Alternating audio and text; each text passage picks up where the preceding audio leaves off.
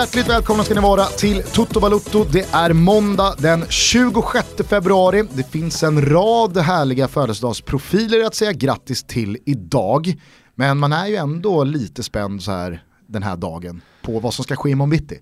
Ja, man sitter ju som på nålar. Man är lite nästan så här febrilt hög puls, uh, undrar vad det är som ska hända. Många känner igen det från OS-tiderna då, när man vaknar på morgonen och det, det är något skidlopp eller vad vet jag, slalom uh, eller curling uh, final som ska gå av stapeln. Men, men imorgon då, då kommer det big announcement, eller hur? Usain Bolt, världens snabbaste man genom tiderna, han har ju lagt sprintskorna på hyllan och ska nu satsa på en fotbollskarriär. Han har eh, liksom han har väl varit, kört en jävla uppvisningsmatch med Manchester United som är hans favoritlag. Han jo. har tränat med Borussia Dortmund, han har varit och hälsat på hos Erik Hamrén nere i Mamelodi Sundowns i eh, Sydafrika och tränat där också. Han har kickat mycket boll sen han la springskorna på ja. hyllan. Men, Sen han hängde upp sina springskor på, i en björk. Men, exakt. Men jag kan ju inte låta bli att landa i känslan av att det jag är mest spänd på med morgondagens announcement är ju vilken klubb har sålt sig? det är väl det det handlar om. Ja, du men, hade... Nej, du tror ändå ja, men... här att så, här, så länge det är en klubb win... utanför the big five så menar du på att han kan göra skillnad. Nej, men du, du kan ju vinna på två sätt här. Jag menar om Manchester United skulle ta honom, men då vet ju alla att det bara handlar om eh, en PR-kampanj och, och liksom att han kommer vara med och träna med laget och sen så kommer man göra någonting roligt kring det. Hade men någon skulle... på riktigt föreslagit honom till Manchester United så hade ju Mourinho sagt upp sig. Ja men åt det hållet. Den I walk. ja precis, denna i walk. Nej, men eh, landar han däremot då i Zweite Bundesliga, i, i, i eh, St. Pauli eller någonting. Ja, men han är ju, här har vi det ju. Han är ju extremt St. Pauli-kompatibel. Eh, varför? Jo, det är en klubb som uppenbarligen då har omfamnat den moderna fotbollen. Det är eh, Under Armour, det är liksom stora flashiga Acne-butiker med St. Pauli-souvenirer och attiraljer eh, och, och, och, allt det där. Alltså det, det, hade väl varit den perfekta klubben kanske för honom att landa i. Ja, men man vet också att de få men tappra hardcore St. Pauli-supportrar, de spyr ju. De blir ju färre och färre. Jo men de, men de skulle spy på det här. Men jag kan nästan ta gift på att vi inte kommer röra oss i några Zweite Bundesliga, för det skulle inte Bolt hoppa på. Nej. Vad fan ska han göra det för? Ja men exakt. Stångas, menar, så stångas ju, mot Nürnberg ja, och Kaiserslautern. Det, det måste ju också liksom. vara en klubb som är rustade för att göra den här typen av eh, kampanj. Alltså PR-kampanj, förstår du vad jag menar? Alltså man tänker ju Kina, MLS eh, och så vidare. Alltså där det redan då finns en, eh, en befintlig eh, liksom varus, varumärkesstrategi och, och, strateger och reklamfolk som, som är redo att liksom bara köra ut det här tillsammans med hans sponsor. Jag är ju inte alls lika övertygad som du att Usain Bolt har något att erbjuda på en fotbollsplan. Jag vill ändå tro att där finns eh, någon, någon, edge med snabbhet. Jag tror alltså inte ens eh, Norrby IF sportchef David Kryssman skulle fundera på att ta Usain Bolt ur ett rent Inter sportsligt perspektiv. Okej, okay, ur ett rent sportsligt perspektiv. Jag tror det. Ja. Jag tror att Kryssman skulle vara intresserad av honom. Nej, det, det, det, det, tror jag verkligen inte. Jag tror däremot att det måste handla om en klubb som Conchito inte har då? så mycket... 1-1 mot IFK Göteborg här i Svenska Kuppen. Bolt finns att plocka. Växjö kommer ju stanna upp så som, var det Borås eh, stannade upp när Magic Johnson kom och, spelade en månad. Men du vet Conchito, alltså Östers sportchef Mattias Concha pratar vi om nu, han är ju sydamerikan och sydamerikan, sydamerikaner har ju inte mycket att ge för sprinters jag tror jag aldrig har sett en sydamerikan i en eh, sprintfinal. Sydamerikansk påbrå ska ju sägas också. Concha? Ja. Va, han är väl chilenare? Ja, han är nog en, en, en blandning utan att veta exakt hur det ligger till. Jaha, ja, ja. ja. okej. Okay. Eh, hur som helst, det slår Men mig nu. Men såklart mycket Chile. Det slår mig nu, jag har nog fan aldrig sett en sprintfinal med liksom en eh, colombian eller peruan eller argentinare eller brasse eller... Brassar? Nej, det är, jo, jo, jo. Centralamerika alltså. Är... Nej, nej, nej. Jag, jag, jag, skulle nästan ta gift på att en brasse har varit i en 100 meters final. Bara nej, vilken brass, som helst? Nej men just brassarnas... I brasilianska nej, mästerskapen, inte, inte, final. Inte peruaner liksom, eh, eller, eller för all del... Guatemala. Guatemala. Nej, nej, men däremot brassarna är hyfsat vassa på sprint. Ja. Annars har vi då... Vet du vad brassarna är riktigt bra på också? Atto Boldon, det är väl Trinidad Tobago. Det, den här sporten brukar benämnas som världens största sport om man tar eh, alltså aktiva medlemmar i klubbar. Ja, nej. Volleyboll. Volleyboll, mm. okej, okay, härligt. Mm. På tal om Atto Boldon då och eh, Trinidad Tobago. Du vet ju vem som är Trinidad Tobagos stora bidrag till världsfotbollen. Ja. Genom tiderna. Då. Ja. ja. Klart jag vet. Säg då. Ja men det är ju en av dem. Ja men det är ju, vad heter han? Ja men jag kommer inte på namn, jag ser han framför mig nu. Ja. Dwight York. Dwight York, ja exakt. Ja. ja en av de två. Cole York, ja. ja. Eh, hur som helst, hur landade vi här? Jo, eh, jag tror inte heller att eh, Mattias Concha hade närmat sig ja, De får ju Bolt. svara själva våra superettan sportchefer. Någon som jag däremot känner så här, okej okay, man måste ha någonting att vinna här, inte så mycket att förlora. Är det ändå inte lite liksom, känsla på att Clarence Sedorf i sin utsatta fuck it situation i Deportivo La Coruña plockar in Usain Bolt här. Vadå, ska han sitta med nyligen då inplockade Soleil Montari ja, vilket, Vilket understryker fuck it-mentaliteten. Ja. fuck it, Monta vi tar in Montari. Vi kommer i alla fall ha kul. Exakt. Kommer i alla fall ha kul. Bolt. Ja. Eh, kanske, det blir spännande att se i alla fall. Du nämner att ja, det, finns, det, finns, en jävla snabbhet att vinna. Ja, det, det kan väl ingen då liksom ifrågasätta att han förmodligen har en del speed att erbjuda i djupet. Men jag drar mig till minnes, eh, du vet Castrol, företaget som sysslar med olja ja, och bränsle Man har ju fyllt på olja några gånger med den här guldiga Castrol-burken. Av någon märklig anledning så ägnar sig Castrol vid sidan om sin bränslebusiness åt att köra väldigt mycket statistik inom just fotboll. Lite som Michelin som en gång valde att rulla ut på vägarna och testa vägkrogar och som sedermera då resulterade i Guide Michelin och en trestjärna till Franzén. Betydligt rimligare koppling. Men Aha. precis, jag har ingen aning. Det kan ju folk hjälpa till i under hashtag eh, Toto med varför Castrol har någon slags eh, intresse i det där. Men det gör de i alla fall. De presenterar väldigt mycket statistik kring världsfotbollen och då kommer jag ihåg att jag för något år sedan eller två år sedan såg en dokumentär om Cristiano Ronaldo där Castrol väljer att mäta hans eh, skills och egenskaper och fysiska eh, ja, men, nivåer och ställa det i relation. Vad klarar han av och inte?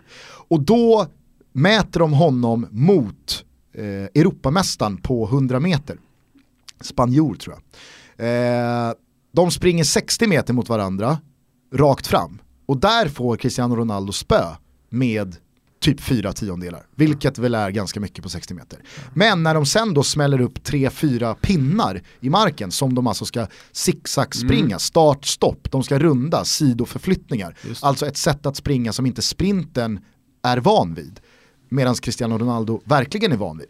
Spanjoren har ju inte en chans Nej. mot Cristiano Ronaldo och det är ju häftigt. Ja men, men, men gå ner någon gång och kolla på, eller det kanske inte behöver göra Gusten, men om du skulle mot all förmodan då springa förbi Hammarby friidrotts eh, ja, kortdistanspass så ser du också att det är ganska vad ska jag säga, eh, grenspecifik träning. Ja. Alltså du, du, du gör en start med ett ryck på 20 meter och då ska du explodera satan bara, eh, bara för att sedan typ så här, vila 10 minuter. För då måste musklerna vänta, för att du har exploderat så inåt helvete. Det är också anledningen till till exempel att kulstötare, många frågar sig varför de feta för.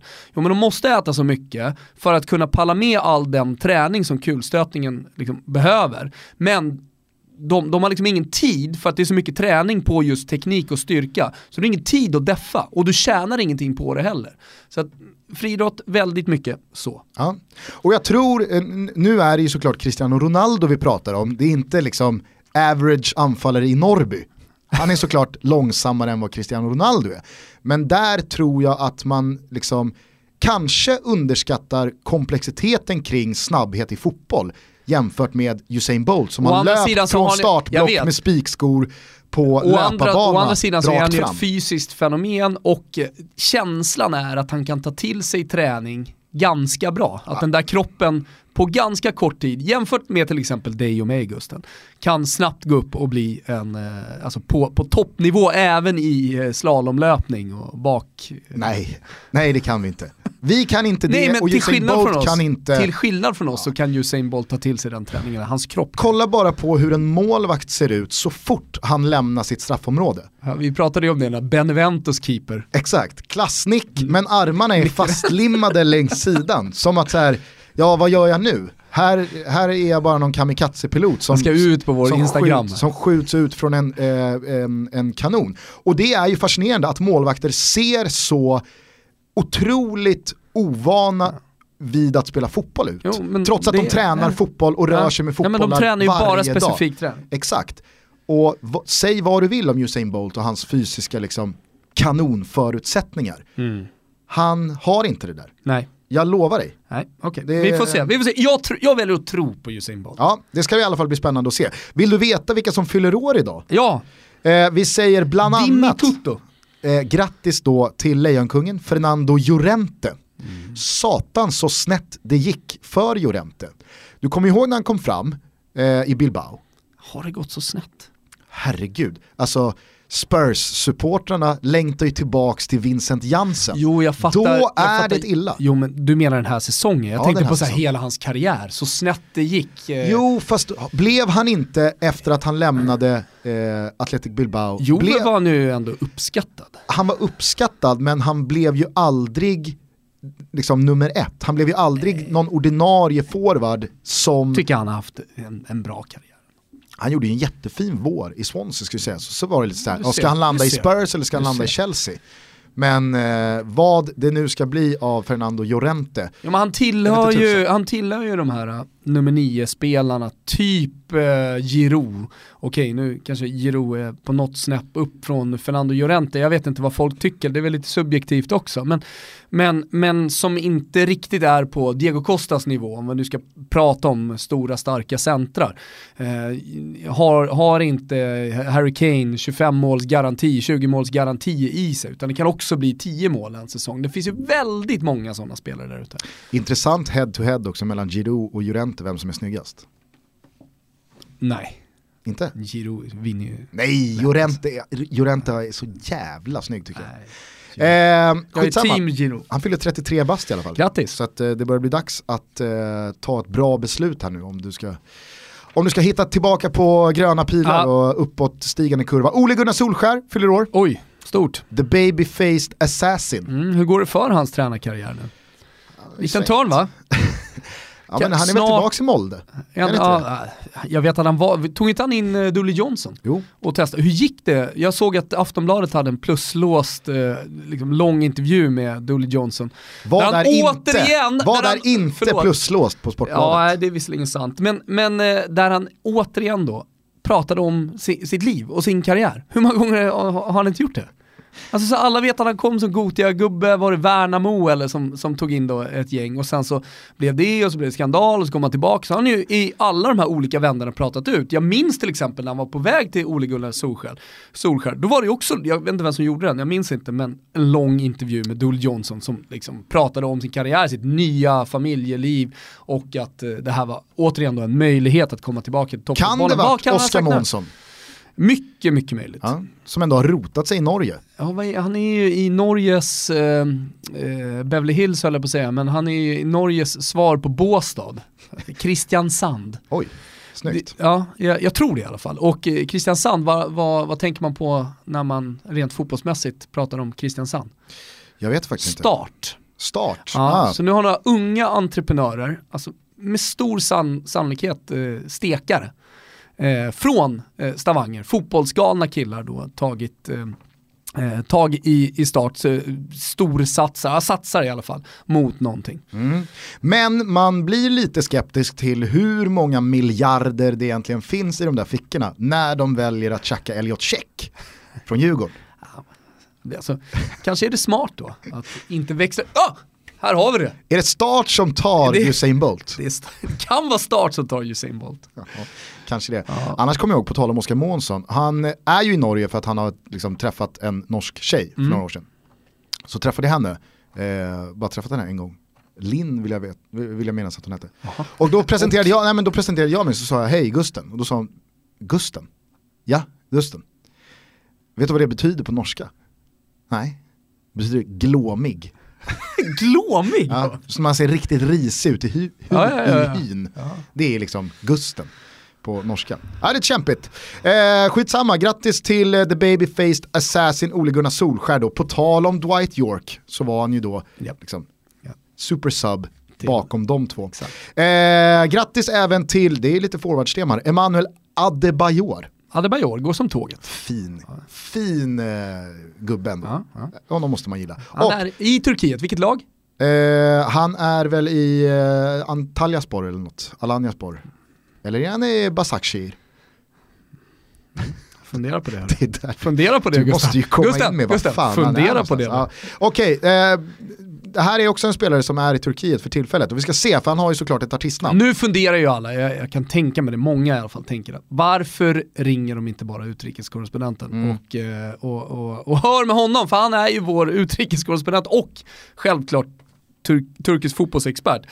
Eh, vi, vi har haft lite tekniska utmaningar, men det sägs att det är på väg att lösas nu här inom några dagar. Ja, vi har ju en telefonistansvarig Ja. som huserar i Uppsala. Ja.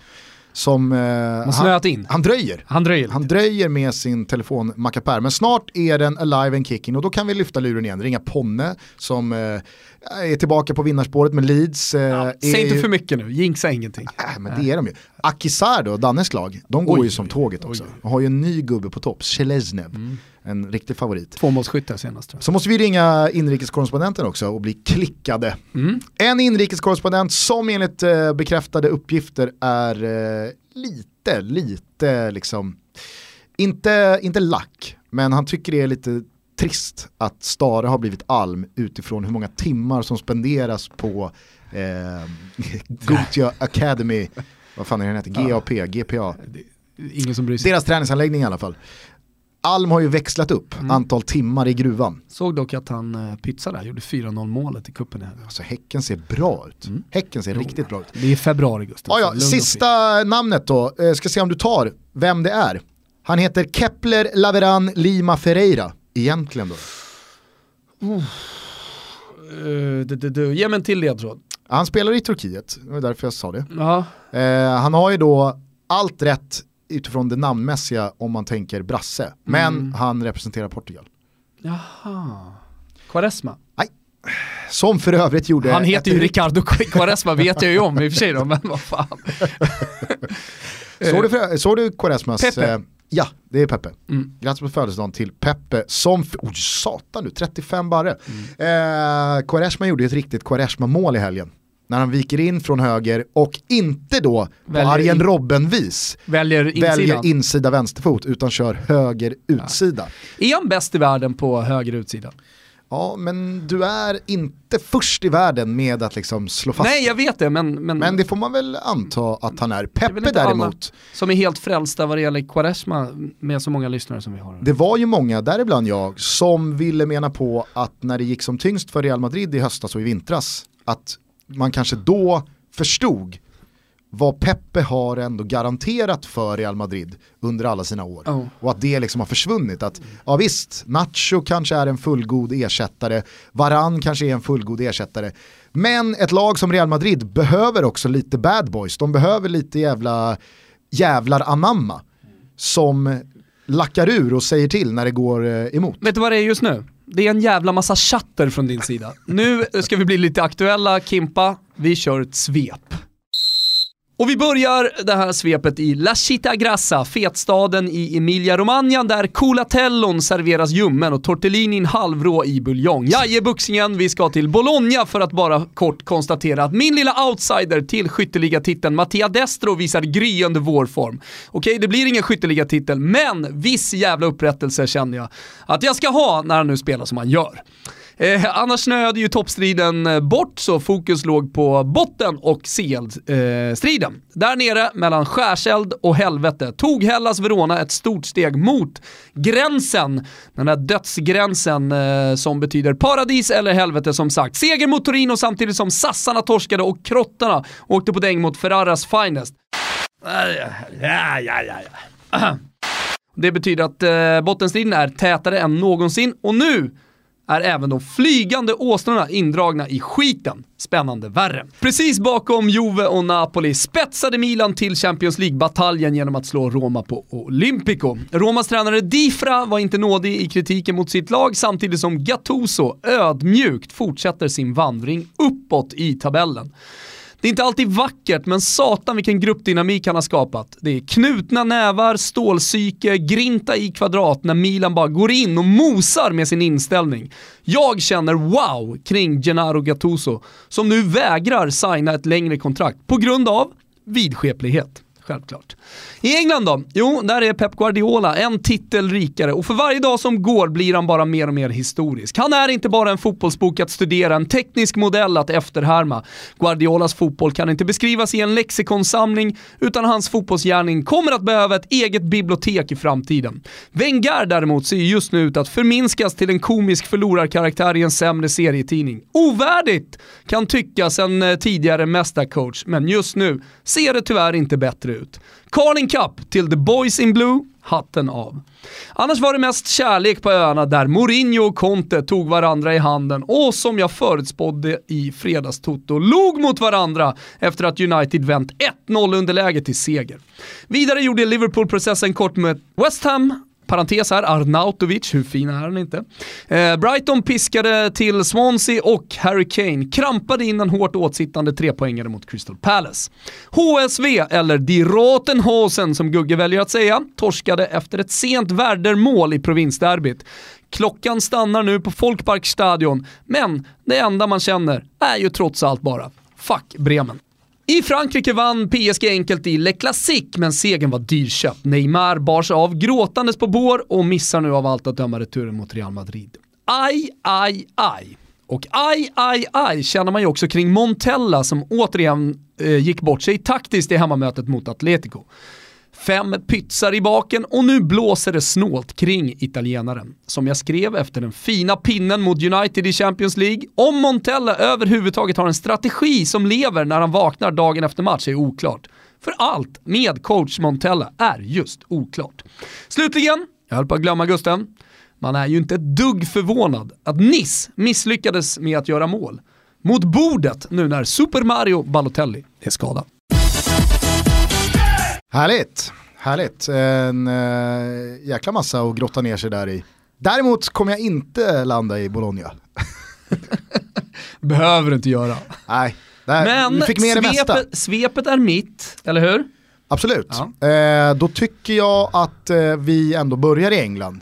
Ja. Där det var direkt pinsamt att höra Arsene Wenger skylla på någon slags allt gick emot oss idag. Nej. Nej. Det var klasskillnad. Ja, det var klasskillnad. Det är liksom som, jag vill faktiskt kärleksbomba vår gode vän Erik Niva lite idag. För jag tycker att han, han, han gör mycket rätt nu. det gör han. gör fan mycket rätt, även i år. Mitt i allt, ja, helt ärligt, helt ärligt. Alltså, han är ju han är fortfarande föräldraledig, han satt ju här i, i jul och sa att ja, men jag ska börja smyga tillbaka, han har kört via satt uh, under tiden. Från ingenstans så kommer en supermatig intervju med den här tyske kurden som nu befinner sig i Sverige som har varit med om eh, ja, pistolhot och det ena och det fjärde. Jag har inte läst den än, den är ju pluslåst då. då. Ehm, eh, men eh, eh, sitter han i, i den här studion och, och liksom växlar upp. Det är det man gillar med Erik Niva. Han växlar upp när det verkligen ska. Det, det är lätt att man landar i studion och så blir det lite platt. Alltså det är inte lätt att göra en sågning eh, låt oss säga bara känslosam, utan också med rejält eh, med stoff i. Liksom. Ja. Att man känner att här finns en analys bakom, här finns en analys som, som bottnar i eh, någon historia och dessutom i nuet. Och där är, eh, där är ju Erik Niva helt perfekt, klanderfri. Ja, och att det dessutom sker i en studio med den nybakade, omhuldade liksom välmeriterade Fredrik Ljungberg. Ja, det får jag som, stu som studioexpert är han inte omhuldad. Ja, men inte än då, men alltså, han är ju omhuldad. Det är ju, På det, väg att bli. Det gamla Sveriges lagkapten. Mm. Eh, dessutom liksom, ikon i Arsenal, han har avgjort kuppfinaler på Wembley. Här gör vi satt en studio kring en kuppfinal på Wembley med Arsenal i och ändå så är det Niva som bara liksom Han ja. stjäl ju showen. Ja. Han stjäl showen. Och man ser också Ljungberg bredvid, så sitter bara och kollar och bara nickar så här. Ja. Ler lite. Ja. Så Som- där kan man också prata. Ja, exakt. Ja men precis, och eh, parallellt då med den här studion Niva gör så skickar han då ut eh, intervjun, reportaget om Dennis Naki, den eh, tysk-kurdiske fotbollsspelaren som har valt bort sin eh, fotbollskarriär för att, eh, alltså nu, nu eh, vill man ju inte använda fel ord, Nej, men för att, för att kämpa för kurdernas Mm. frihet, rättighet och liksom ja, men Han har valt existens bort som det, människor. Jag tänkte på en sak, jag såg bara bilderna från en fotbollsspelare då. Det, kan, det var väl säkert ett tag sedan man såg de här, eh, liksom, när han spelade tyska landslaget, U21. Mm. Eh, men eh, han har ju biffat på sig lite. Ja, får man säga. Ja, Får man säga. Eh, men det tycker jag är petitesser som inte hör hit. Eh, den är inte pluslåst, eh, utan jag tycker verkligen att, eh, jo nu ser jag den är pluslåst. Ja, den är pluslåst. Ja. Men ja. vadå? Vad? Alla ni som har Aftonbladet plus, läs den här texten för den var fantastisk. Jag tycker verkligen att Niva satt ju lite här hos oss i december och undrade, precis som man har gjort många gånger förut, hur länge orkar folk konsumera fotboll hand i hand med samhällsfrågor, de större värderingarna av livet självt och hur länge kan jag vara fanbärare för allt det här. Jag måste nog ändå i grund och botten vara lite mera Kevin De Bruyne och hans passningsfot snarare än krafterna bakom Manchester City och så vidare. Men sen så skickar han ut den här texten och så känner man bara, ja det här är ju bättre än allt annat man läst Ja, han i år. dominerar den scenen. Och när han då sitter i den här studion, för det var det jag skulle komma till, efter den här matchen.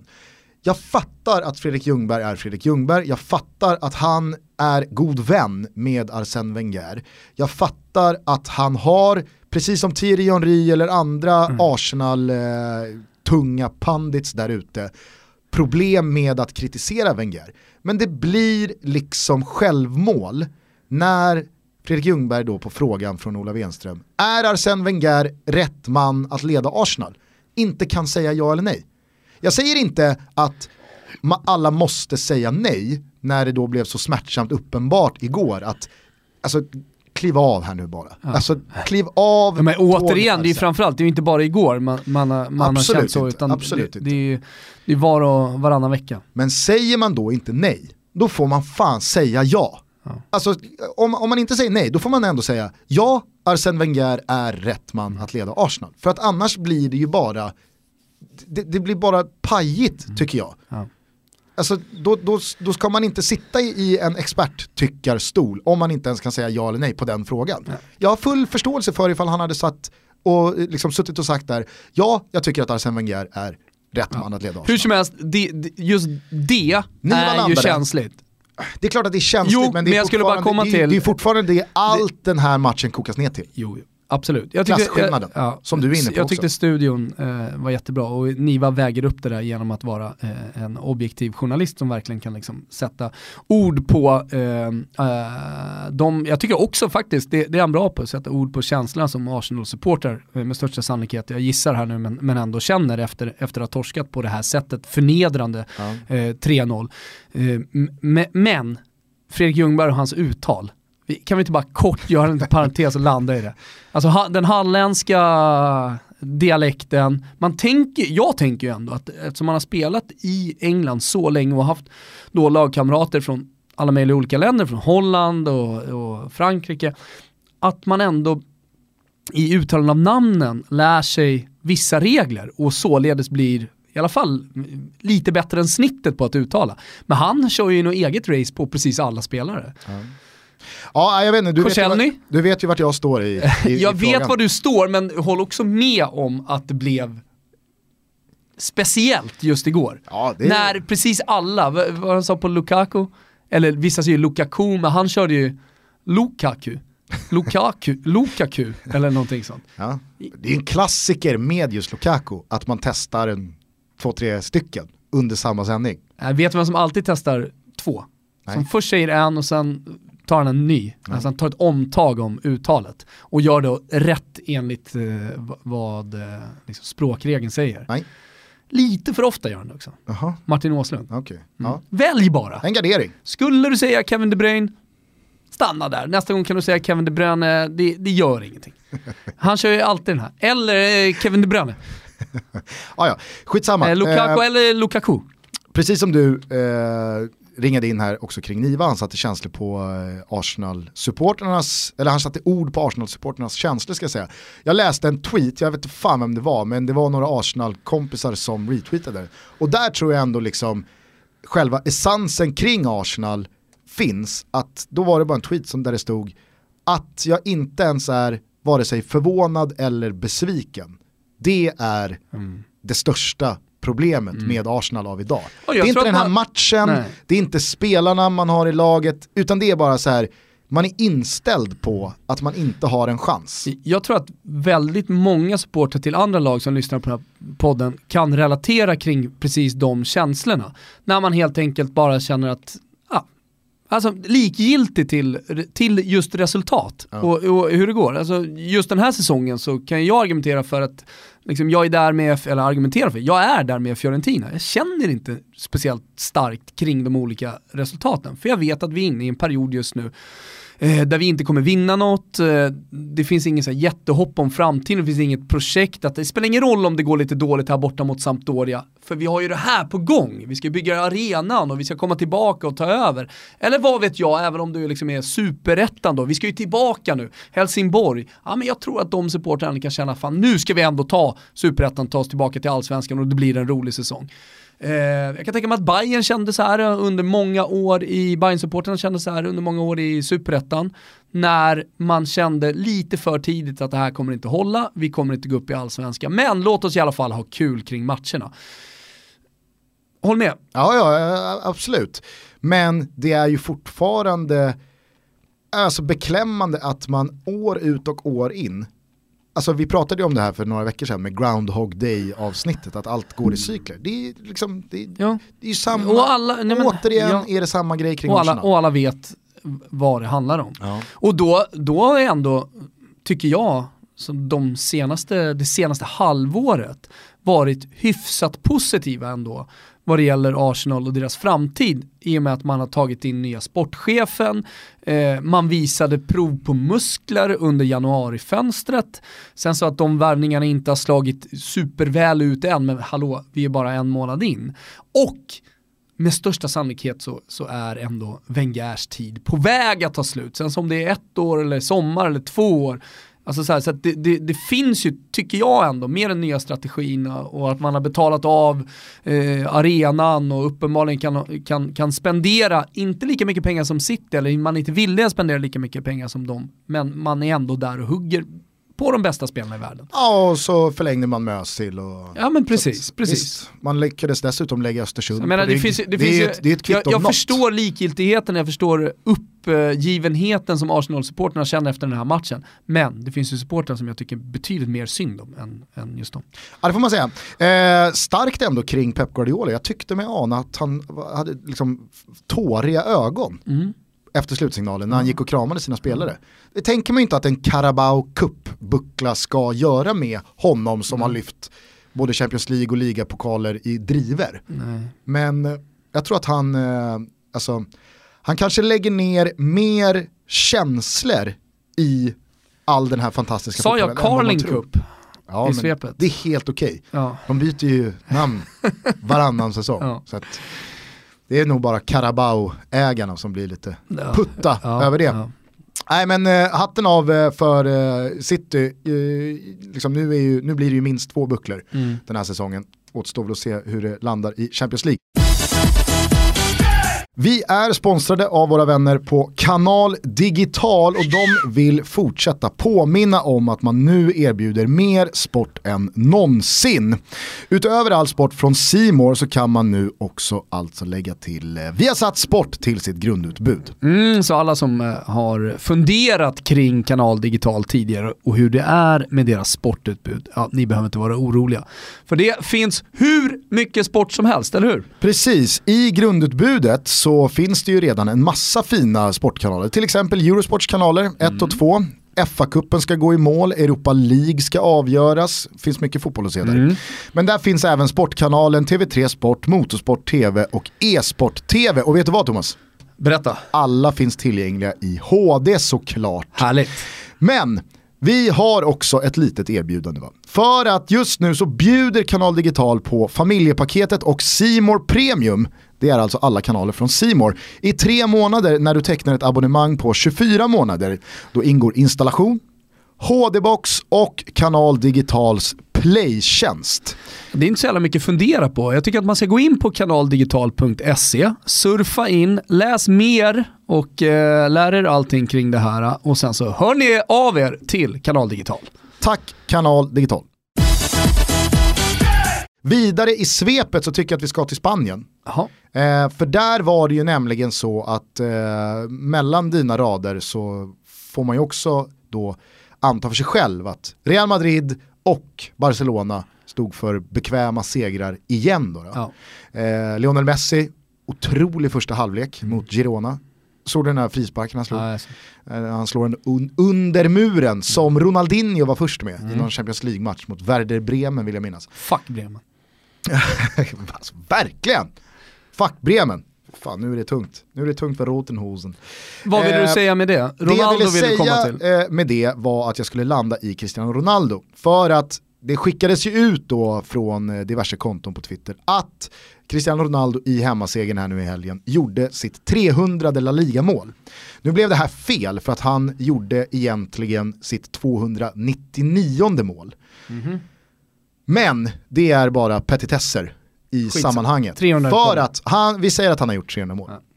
De här 300 La Liga-målen, alltså La Liga-målen, inte Champions League, inte kupper, ingenting annat, utan Nej. La Liga-mål, har han gjort på 285 matcher. Och det är så här... Då räknar man snabbt över ett i snitt. Precis, alltså det är, det är så rubbade siffror när det är så många mål och det är så många matcher att hålla det snittet.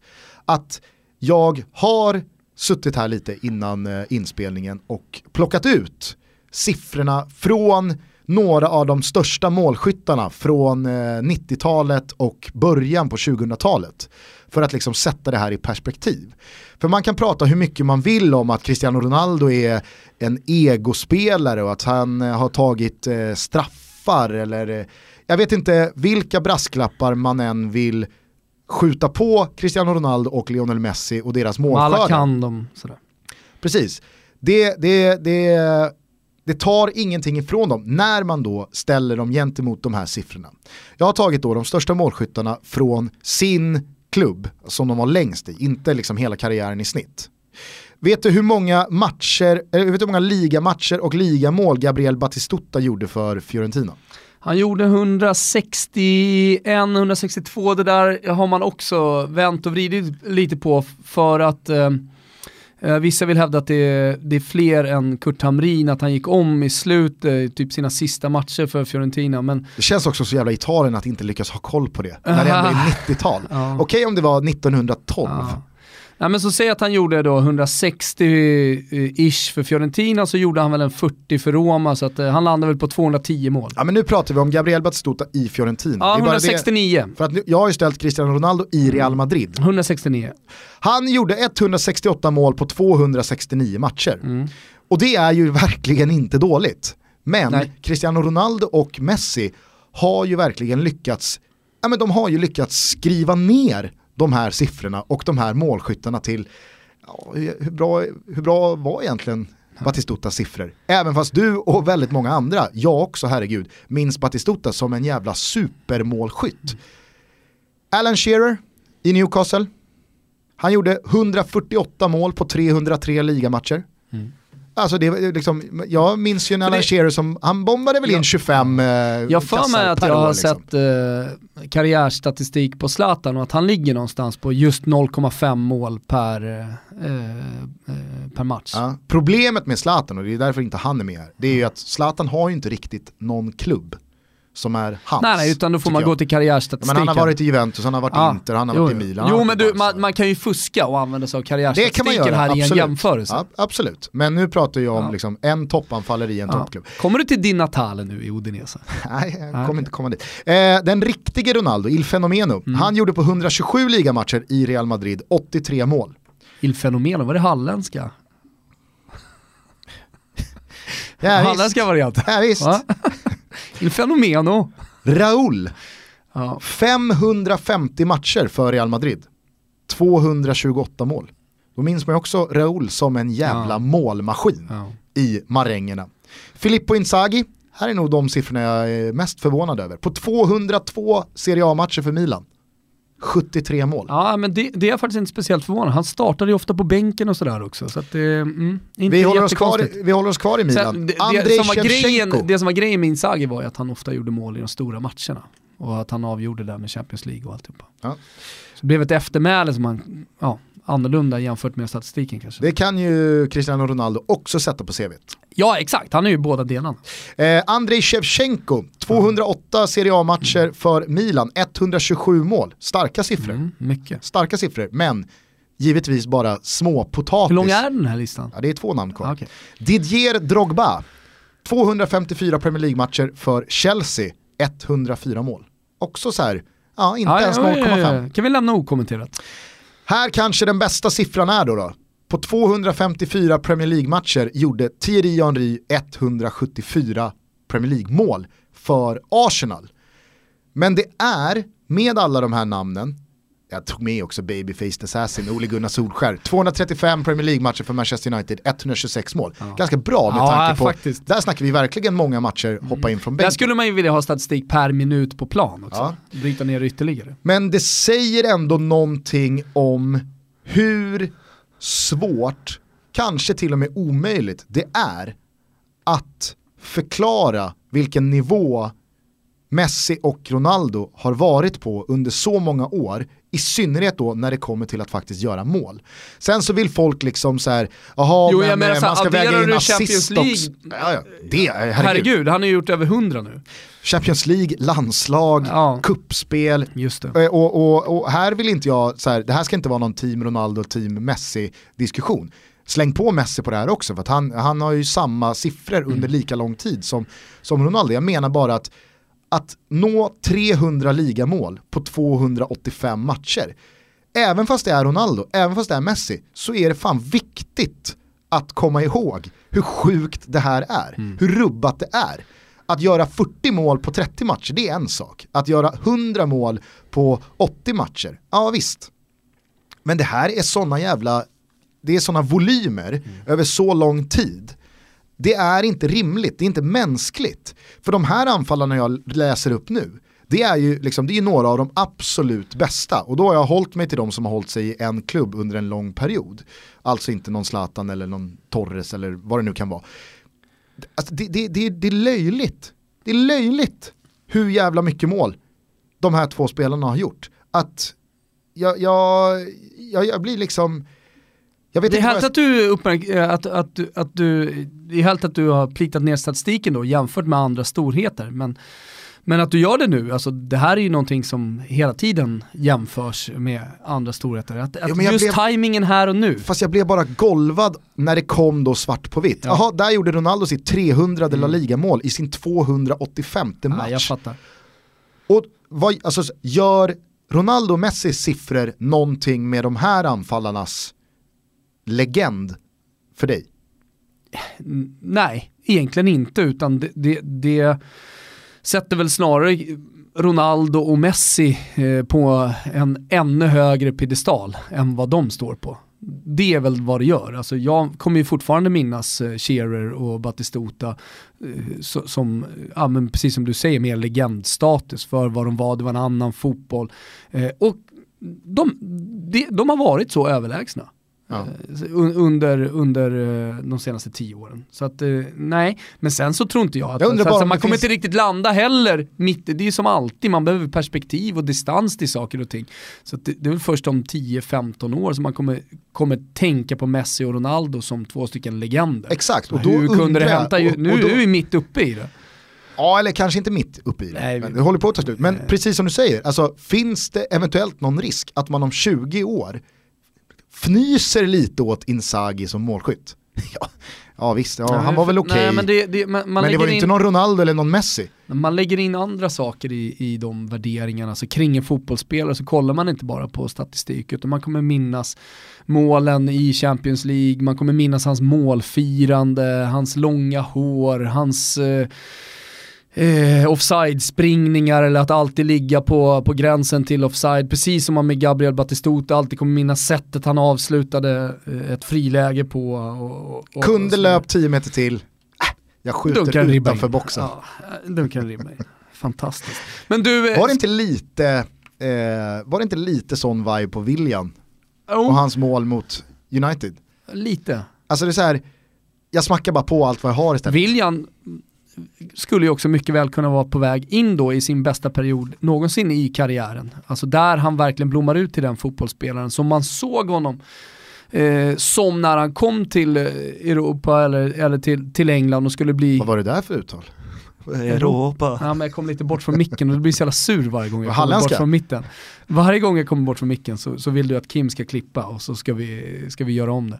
Men, men eh, jag, jag, tror i alla fall det, även om det är sent då, att han ska fylla 30 år och man tänker att äh, men nu ska ju inte den bästa tiden vara utan det, det är den som eh, har gått. Men jag tycker ändå han har utvecklats till den här kompletta mittfältaren som också nu börjar göra en hel del mål. Kanske inte ett helt dumt val i fantasy Premier League, Gusten. Eh, jag vill bara brygga över nu till en schnitzel. Är du med? Yes, ja, mm. absolut. Svenska kuppen är igång. Ja, så är det. Jag gillar ju lag som sätter färg på kupper. Mm. Det är, jag förstår, alla supportrar eh, till sina lag som går igång nu. Första gången man får se dem i tävlingssammanhang. Eh, det börjar närma sig en månad kvar till allsvensk premiär. De här kuppmatcherna gör ändå någonting med respektive supporter för sitt respektive lag. Men inte det stora breda intresset. Eh, då tycker jag i alla fall att det är härligt med små bomber i, eh, i, de här, i, i den svenska kuppen. Och jag tycker att Guys ska få veckans schnitzel. Vi har ju varit lite hårda mot Guys. Många vill få det till att det är ett av de mest deppiga lagen. Liksom. Jag menar, det, det har inte gått jättebra för Guys de senaste åren. Men att man ändå sätter färg på den här gruppen som man har hamnat i med Hammarby som har storsatsat, eh, med, med eh, spelare Gille var här för bara några veckor sedan och hade stor tro på sitt lag ändå inför att man skulle gå in i tävlingssäsongen. Vi har ett Elfsborg där som vi vet eh, säkerligen kommer vara med i toppen på ett eller annat sätt den här säsongen. Prodell igång. Prodell igång, inga konstigheter. Eh, hade en snortuff start då på Svenska Cupen just mot Guys och eh, nu åker man till Tele2 Dels sjunger eh, Lever rövare på bortasektionen hörde jag genom rutan eh, och sen också spelar bra jävla fotboll och pressar Hammarby hela vägen in på 90 minuter. Och man gör ett sent kvitteringsmål då, så blir det 3-3. Gruppen lever, men Guys har Vasalund i sista matchen och Hammarby och Elfsborg ska möta varandra. Så, så favorit är ju ändå på att Guys tar sig vidare här. Man kan väl säga så här, Guys ska ju slå ett avsågat Vasalund hemma. Ja, det, det, och sen det, blir det målskillnadshistoria om nu Hammarby lyckas vinna mot eh, Elfsborg uh, i Borås ska ja. sägas. Så, men, men, men jag tycker ändå det är härligt och det är värt en snitsel och det här får ju folk ta, jag menar IFK Göteborgs supportrar som lyssnar som har rivalitet mot guys.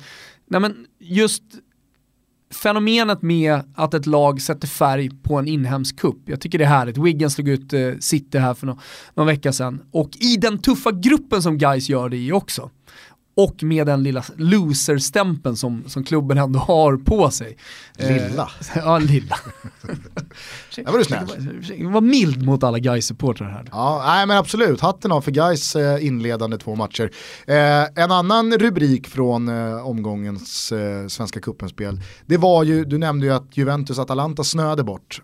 Den ställdes ju in totalt. Men eh, mötet mellan Gävle och Malmö skulle ju ha spelats klockan tre. var ju fullständig jävla snöstorm på Gavliavallen.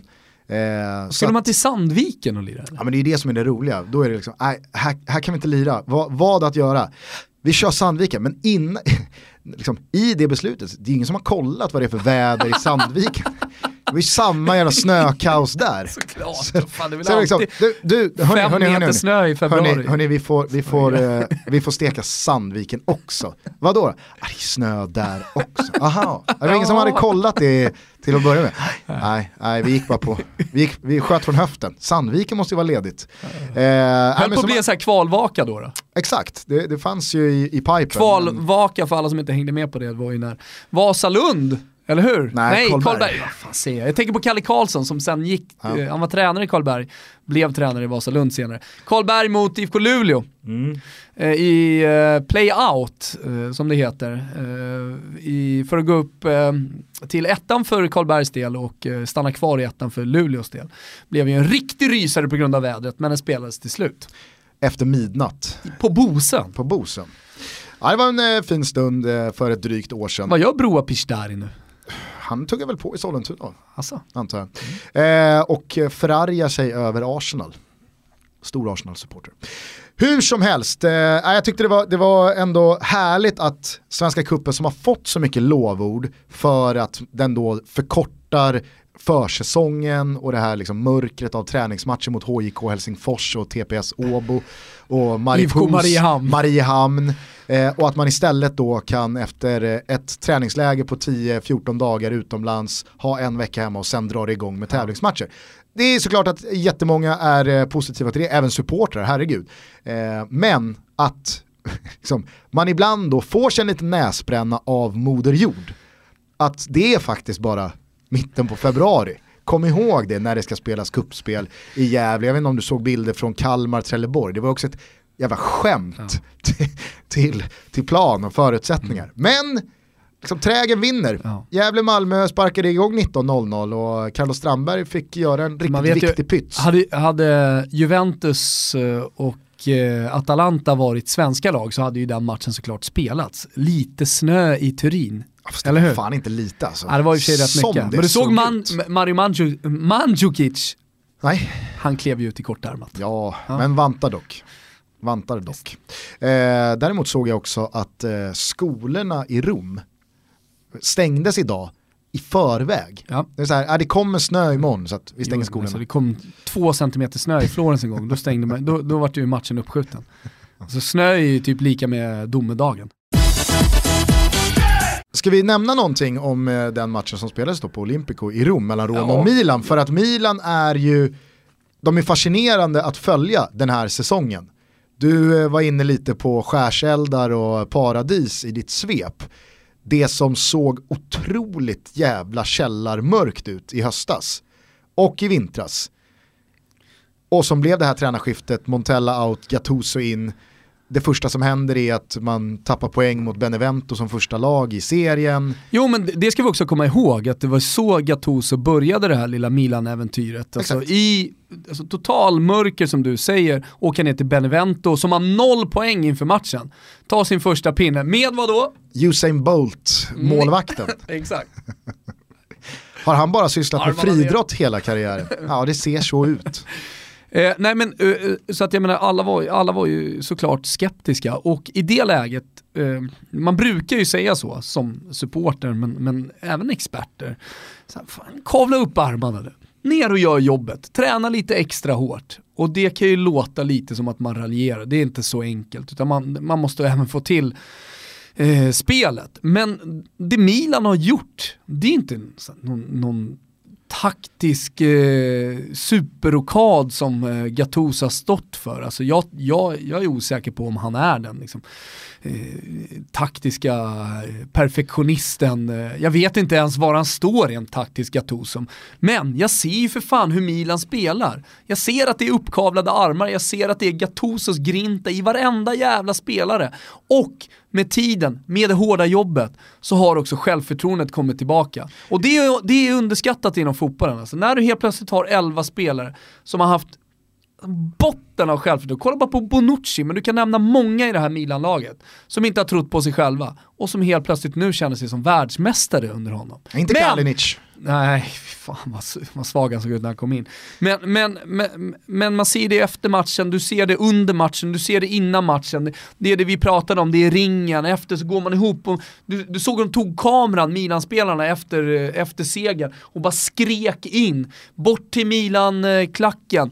Jubla och det, liksom, av med varenda jävla palt och kasta upp till klacken. Och det är en match i februari. Det, det är så jävla härligt uppfriskande att se i toppfotbollen att det faktiskt kan funka med jävlar anamma. Ja, men vi pratade ju om eh, Castrol tidigt i avsnittet och deras bränsle. Jag tror precis som du säger att det Gattuso har kommit in med, det är liksom nu är inte jag någon eh, liksom, mekare, någon, någon eh, snubbe som har att göra under huven. Nej det är du sannerligen inte Gustav. Men det är väl alltså själva eh, Vart ska, du nu? ja, men oktan, oktanhalten i bensin. Ja. Det är väl det som mäter vad det finns för tryck i bränslet.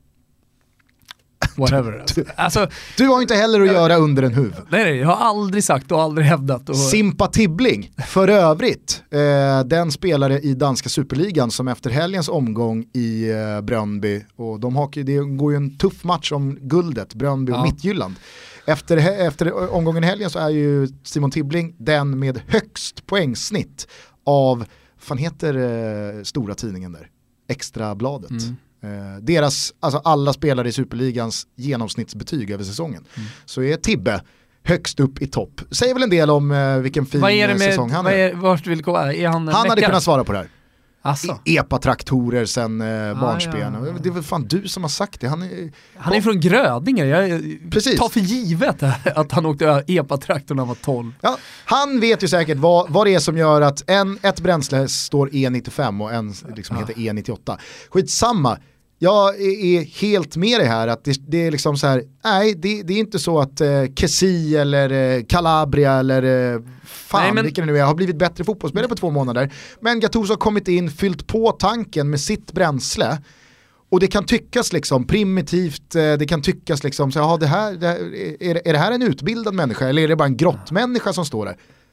Vet, det funkar även på den här nivån. Metaforen då som du ska landa i det är att Gattuso har pumpat in raketbränsle i den här lilla maskinen. Ja, exakt. Men det jag tycker ändå, även om du, och jag håller med dig, det, det är inte någon specifik spelare som har gjort det här, så, så, vi, så vill jag ändå säga att det är vackert att igår då när man vinner den största matchen eh, under eh, den här positiva perioden, inte en förlust under 2018, eh, vinns på Olympico genom mål av två stycken Milan-talanger, Cotrone och Calabria. Eh, när man har värvat så mycket så gör det också någonting med mig att det är just de två spelarna som ser till att vinna matchen. Mm. Jo, absolut. Och sen är det ju också, ja, det är märkligt att eh, Fabio Borini ändå har hittat en roll i ett lag. Alltså han, man, man ser Fabio Borini spela fotboll. Man ser vad han är för typ av fotbollsspelare. Jag har inte haft någon aning, man har bara pratat om Fabio Borini. Man har sett något inhopp på en kvart här, man har sett en usel 90 minuter där. Men nu ser man ju ändå så här, det är det som är Fabio Borini. Han är rätt snabb, han fem- kommer på bortre. Men om 15-20 år så kommer det ju inte sitta någon ny gugge i en ny Toto Balutto-podd och ha med Fabio Borinis namn på gamla stora målskyttar. Att ställa i jämförelse med Nej, vem som bombar in strutar nu för tiden. Det var en ruggig miss han stod för också. Eh, det blir ju ett jäkla derby här nu eh, i nästa omgång på San Siro. Alltså, inte. jag, jag tror så här, det vill jag ändå säga med Gattuso och hans, ja men du vet, sometimes maybe good, sometimes maybe shit. Och allt han säger kring varenda match. Han har ju nya one-liners och nya liksom saker att förmedla. I, efter igår då var det ju att det enda jag kräver är att jag har 11 bröder på plan. Mm. Han har ju pratat om att min enda uppgift är att spelarna ska hata mig och han har låtit då bänkspelarna slå honom ute på plan efter att man slog Lazio. Alltså du vet så här, bör, han börjar närma sig en gräns där det är liksom så här, nu får, nu får faktiskt du också, Gennaro, chilla lite. Det är ju inte så att man Men slår de inte, slår de inte i derbyt, vad händer då? Jag tror han kommer explodera. Men det är ju inte så att man inte gör en grej av Montella. När han förlorar så stort som han gör mot eh, Atletico, samtidigt som Milan då går så bra, då blir ju det såklart rubriker. Nu säger Milan-spelarna att vi tränade knappt, alltså det blir mycket negativt mot Montella, så kan man ju tycka vad man vill om det. Men, men eh, det, det förstärker ju i alla fall den här känslan av att Milan, vad är det de har gjort i slutändan? Jo, de har fan kavlat upp armarna, eller hur? Sig är och- uppe, tankat med Gattusos jävla raketbränsle. De har blivit Gattuso. Eventuellt så har de en högre oktanhalt i sitt bränsle. Det har vi ingen aning om. Nej det har vi ingen aning om, Men- det men- får vi fråga Simon Tibbling om. Men det är, vad, det är vad fan de har gjort. På tal om Montella och den här matchen på Ramon Sanchez Pizjuan då medan Sevilla och Atletico Madrid igår. Så var det ju, både du och vi hade ju spel tillsammans på den här matchen. Det var ju fascinerande att se att med 10-12 Mm. minuter kvar står alltså 4-0 till Atletico Madrid. Inte en käft går. Ja, inte en käft ställer sig upp och lämnar. Vi kan ju vara ärliga med att vi satt på bett som är över 5,5 kort kan vi ju säga. Ja. Och när det står 4-0 då, och vad krävs det? Två kort till då i det läget? Ja, över 5,5 skulle vi. Ja men vi var på 4 då. Ja, ja. nej 5. Ja vi var på 5, vi behövde ett till. Ja. när det, var står vi och 4, Petter Veland. Men i, i liksom 99 matcher av 100, då blir det ju inga fler kort. För att matchen är död. Sevilla gör ingen effort, framförallt tar inget gult kort sista 10 för att få in, men du vet så här, riva någon i tröjan, dra en glidtackling för att du fortfarande är uppumpad på adrenalin. Matchen är över. Ja, ja och, atl och atletiskt spelarna ja. vet ju att så här, ja, ja, ja alltså jag tar ju inte ett kort här för att förhindra 4-1. Låt han gå då, så blir det 4-1 i det läget. Nej, det är alltså 4-5 kortlägen men domaren skiter i det. Ja. Det är någon glidtackling bakifrån, det är en atletisk spelare som drar i tröjan. Så det är så, så avvaktande gula kort. Men han skiter bara i det. Och i slutändan, till slut då, så är det ju någon jävel som får spelet på eh, alltså 90 plus 2 ja. och ändå tar det där gula kortet. Ja, Saul. Det, det är Saul. Det är helt idiotiskt ju. Varför tar han det ens? Till vår glädje visserligen. Ja, till vår ändå. glädje och det var ju vårt spel. Men, men det jag tycker ändå det finns värde i att förmedla här till hela Toto Balotto-publiken. Ja. Det var att det känns som att med United-matchen i färskt minne så är det många här hemma i Sverige som har fått upp ögonen för Ramon Sanchez Pizjuan och Sevilla. Jo men efter att ha suttit en hel helg och kollat på den engelska fotbollen där det liksom bara tyst och bara ekar. Man hör, jag, jag hörde, såg du ligacupfinalen? Ja. Så många gånger jag hörde spelarna. Hela tiden, alltså, prata med varandra till och med. I en ligacupfinal. Det är, come on, du vet, det kommer någon rolig ramsa om någon spelare, men däremellan är ju kulturen tyvärr sådan att det är tyst. Det är ruggiga målfiranden, säg ing ingenting om det, det är fina bortaföljen och så vidare. Men det är ju tråkigt när det inte är det här pumpet genom 90 minuter. Mm. Jag hörde The Cop sjunga Luis Suarez namn i lördags för att Patrice Evra var tillbaka i Premier League och i West Ham. Mm. Gav en liten eh, bitter smak i munnen. Men det var ju, det var ju någonting annat än come on. Mm. Det hänger ju då givetvis ihop med att eh, Luis Suarez då anklagades och dömdes va? Mm. Eh, för att eh, ha eh, smädat Patrice Evra mm. rasistiskt när eh, Evra då var i United. Mm. Eh, skitsamma, nej alltså jag, jag, jag, tycker det, verk, det, var, det var häftigt att se att inte en enda person ställde sig upp och gick när mm. ens lag ligger under med 4-0 och det är 10-12 minuter kvar. Sen kommer 5-0 också. Mm. Ja just det, 5-0 kommer. Men inte ens Nej, de fortsätter sjunga. Det är tryck på Ramon Sanchez. Och Sevilla-spelarna, jag vet inte, alltså, det kan inte vara Montellas förtjänst. Hade det varit Gattusos lag som ändå hade liksom kämpat och slitit och maxat vid 5-0, 12 minuter kvar, hade jag förstått det. Men att Montellas lag ändå uppbringar den energin, det är häftigt att tror, se. Ja, men jag tror ändå att det är 60-70% Ramon Sanchez Pizjuans förtjänst. Exakt. Det, det, det, det inte, går helt enkelt Det är inte 60-70% Montella. Nej, och när du har så trogna supportrar som fortsätter att sjunga, men då får du väl ändå hedra, eller hur, uppgiften, ja. matchen. Det Spela tills vi domaren blåser. Absolut säga. Du, på ja. tal om Betsson så eh, fortsätter ju eh, vi att eh, förhoppningsvis då snart skörda frukt med våra Toto-tripplar. Eh, Champions League drar igång igen med returerna i åttondelen mm. nästa vecka. Och på tal om det då, du fick ju med dig i svepet. Vilket jävla hårt slag för PSG. Om det nu skulle vara så ah. att Neymar missar. Mm. Eh, för det är ju också så, alltså det är ingen tackling, det är ingen, det är ingen ful grej från en Marseille-spelare. Han trampar snett, stukar foten. Mm. Och man såg ju vilken jävla smärta han var i. Mm. Jag mm. mindes i alla fall tillbaka till den här matchen mot Colombia. Eh, när eh, han fick ett knä av eh, i ryggen i kvartsfinalen. Så han missar semin mot Tyskland. Ja, det var ju han som eh, har spelat i Napoli. Soniga! Ja, eller ja. Soniga. Kör en Åslund-gardering. Eller Soniga. eller Soniga. Eh, var det ju. Som hoppade in knät, han låg ner, han grät, det kändes direkt, bålen kom in, det kändes direkt som att fan det här kan ju vara kört, VM kan vara över för, eh, för Neymar. Eh, han satt sen på en presskonferens och grät och sa att ja, men jag hade kunnat bli förlamad. Ja, det tänkte jag på när jag såg det där. Ja. Och det är väl, eh, det är inte så att han gråter på grund av att det gör ont, utan han vet ju att han missar returen. Precis. Det är ju precis det det handlar om. Eh. Jag vet inte om det kommer någonting officiellt. Nej, det lilla jag tillskansat mig, det gör man ju alltid via Fredrik Pavlidis headlines på månaderna från Fotbollskanalen.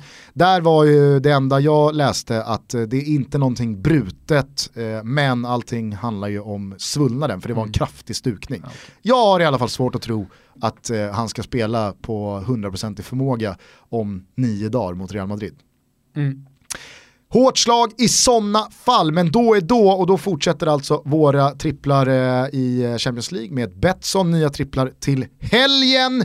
Och eh, vi hoppas givetvis att så många som möjligt är med oss. Kul också ifall, vi ska ju till Leeds med Mm. Betsson, eh, att Leeds här nu tar sista chansen att haka på playoff-tåget. Ja men de, de verkar ju ha intalat sig själva, nu kan vi inte ringa Ponne här men vi kan väl säga det, att han sagt de, in, de, de, de har slut sig samman, lite på Gattuso-sätt och sagt att nu tar vi tio raka segrar här, eller hur? Eh, och nu har man då tagit den här, eh, vann man med 1-0 eh, i helgen, när hans mittback-kollega eh, gjorde det enda målet. Eh, och, ja, som du säger, det hade ju varit fint om det ändå fanns hopp om eh, att få playoffa sig upp till Premier League. Tänk att få stå där på Ellen Road och vara med om eh, liksom en sån här sista minuten-seger som tar dem upp på en sjätte plats. Annars är det ju ett trist facit för eh, Toto on Tour. Om vi är med och stänger ner klockan på Folksparkstadion när Die Rotenhosen till slut drattar ur och man åker ner till Ellen Road och ser liksom inte, Ponne bäras ut på bår, Sibicki rött kort och Leeds Mailen kommer börja liksom ramla in i sommar. Du, har ni lust att åka? Då håller vi oss borta från Ryssland. ja det gör vi. Då håller vi oss borta från Ryssland. Eh, hörni, eh, fan det här är eh, Toto Balutto. Fortsätt höra av er till oss. Vi finns på totobalutto.gmail.com och där är det ju faktiskt många som har mejlat om just det här att det vore kul ifall ni ringde Ponne och Danne igen. Och det Det ska gång. vi göra. Det ska vi göra. Snart ska vi bli klickade också även av Fribbe. Lyssna in oss på eh, hur hans telefonsvarare låter i år. Men eh, till eh, härnäst då, då så ha en fortsatt trevlig vecka. Ta hand om er där ute i snöyran och minusgraderna. Ja, och trevligt sportlov då till alla som är på sportlov. Det är sådana tider just nu. Nu tar vi an oss den här måndagen, Gusten. Det gör vi och jag tycker att vi avslutar med den gamla, får vi väl anta, Usain Bolt-favoriten Kingston Town UB40.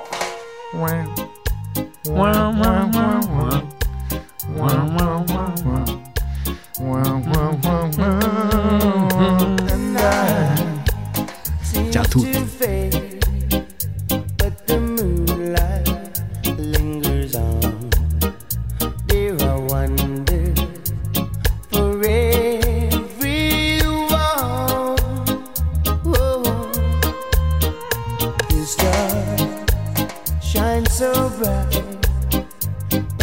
Fading after dawn. There is magic in Kingston Town. Oh, Kingston Town, the place I long to be. If I had your word, I would give it away just to see